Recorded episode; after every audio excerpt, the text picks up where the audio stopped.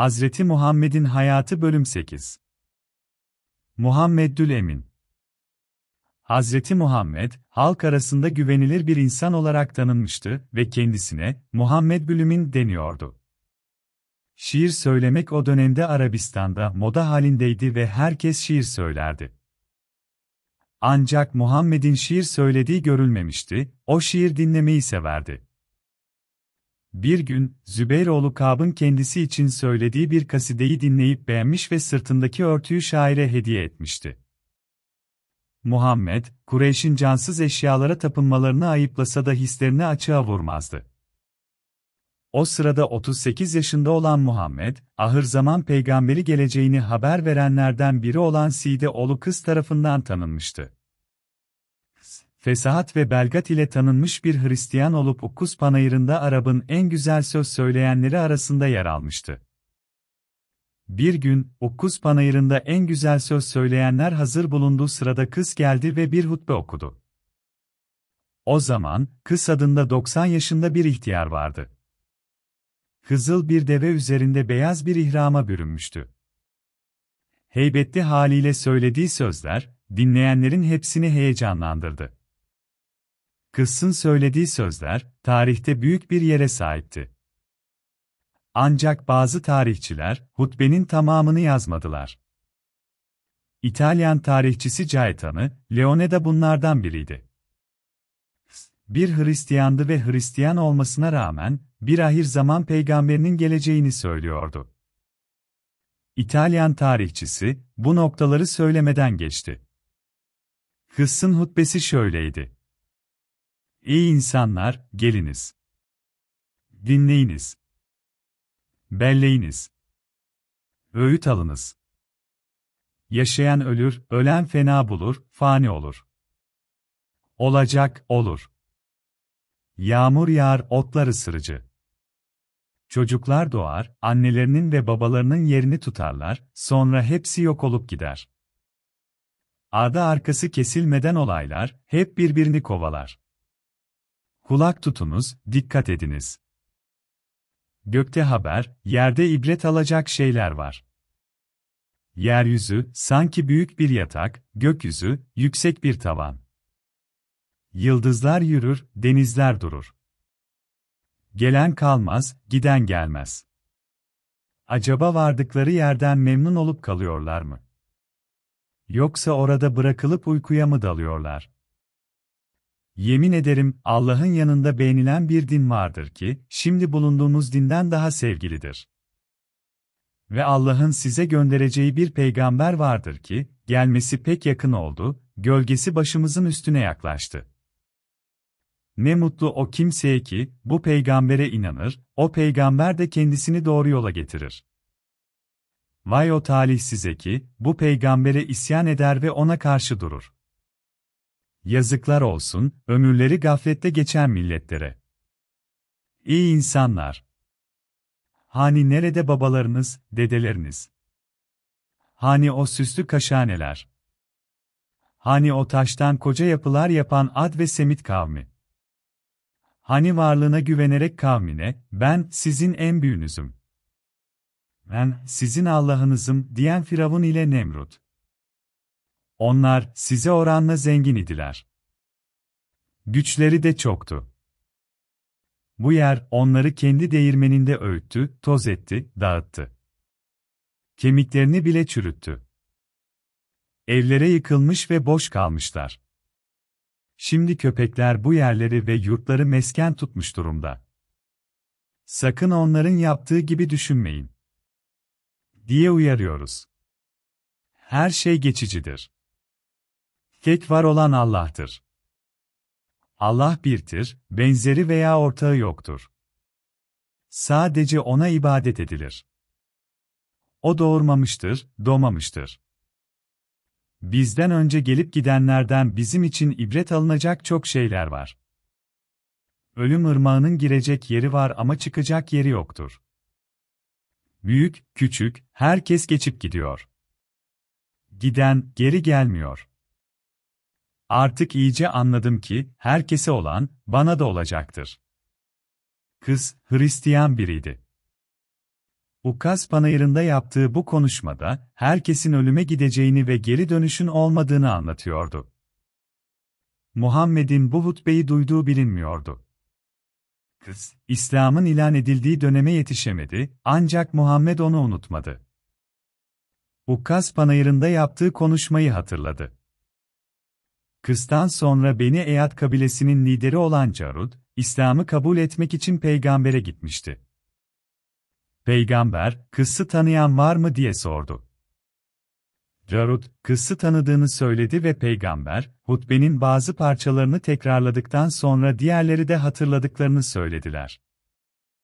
Kızın şiirleri, yakın gelecekte Beni Haşim'den bir peygamberin geleceğini ve son peygamber olacağını bildiriyordu. 39 yaşında olan Muhammed, kendini tamamen ibadete vermişti ve dünya işleriyle uğraşmaktan zevk alamıyordu. Sık sık, Harra Dağı'na gider, Tanrı'nın büyüklüğünü düşünürdü. İlk vahye kadar, neredeyse bütün vakitlerini Harra Dağı'nda geçiriyordu. Kureyş kadınları, Muhammed'in onları ihmal ettiğini söyleyerek Hatice'yi rahatsız ettiler.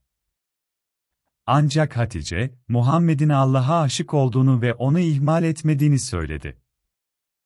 Kureyşliler, Muhammed'in artık insanlarla iç içe olmadığını ve sadece Allah'a ibadet ettiğini görünce, onun Allah'a aşık olduğunu söylediler. Muhammed, 40 yaşına girmişti ve Hira Dağı'nda ibadet ederken garip bazı hisler hissetmeye başladı. Yolda yürürken ağaçlar ve taşlar ona selam veriyordu, yalnızken bile bazı sesler duyuyordu ve yabancı kişileri rüyalarında görüyordu. Bu rüyalar gerçekleştiği için şaşkındı. 41 yaşına girdiği zaman, karanlık bir gece Hira Dağı'nın içindeki mağarada Tanrı'ya ibadet ederken uyuyakaldı. Gece yarısı uyanarak, bir melekle karşılaştı. Melek Cebrail'di ve Muhammed'e Allah'ın peygamberi olduğunu söyledi ve ona oku dedi. Muhammed, okumayı bilmediğini söyleyince melek onu sıkıca kavradı. Muhammed, bu sıkı sıkıştırmayla baygın bir halde kaldı. Melek tekrar etti, oku ve ona Tanrı'nın ismiyle okumasını, insanın topraktan yaratıldığını, Tanrı'nın kalemle yazmayı öğrettiğini söyledi. Bazı Müslüman tarihçiler, meleğin kaybolduktan sonra peygambere bir korku geldiğini belirtirler. Mağaradan çıktığında, gökyüzünden bir ses duydu ve bir insan şekline bürünmüş güzel bir melek gördü. Gözlerini nereye çevirse meleği görebiliyordu. Hatice, Muhammed'in birkaç gündür eve dönmediği ve o akşam bir daha görülmediği için endişe içindeydi. İnsanlar Muhammed'i aramak için gönderildi ve Hatice tarafından gönderilenler onu Hira Dağı'nın eteklerinde derin düşünceler içinde buldular. Meleğin ortaya çıkışı Muhammed'i korkutmuştu ve eve giderken titriyordu. Hatice onu kapıda karşıladı ve yatak odasına girdi, mübarek dişleri gevezelik ederek, zemmilini. Zemmilini. Bula beni ört, beni ört anlamına geliyordu. Sakinleştikten sonra Muhammed, Hatice'ye o gün Hira Dağı'nda gördüklerini anlattı. Hatice, doğru yola giden bir rehber olarak bilinen kuzeni Varaka'dan Hazreti İbrahim'in dini hakkında çok şey duymuştu. İbrahim'in dini Allah'ın birliğine dayanıyordu ve Hatice'nin son peygamberin gelmek üzere olduğundan hiç şüphesi yoktu. Bu son peygamberin Muhammed'den başkası olmadığına inanıyor ve ona olan inancıyla onu teselli ediyordu. Korkma dedi.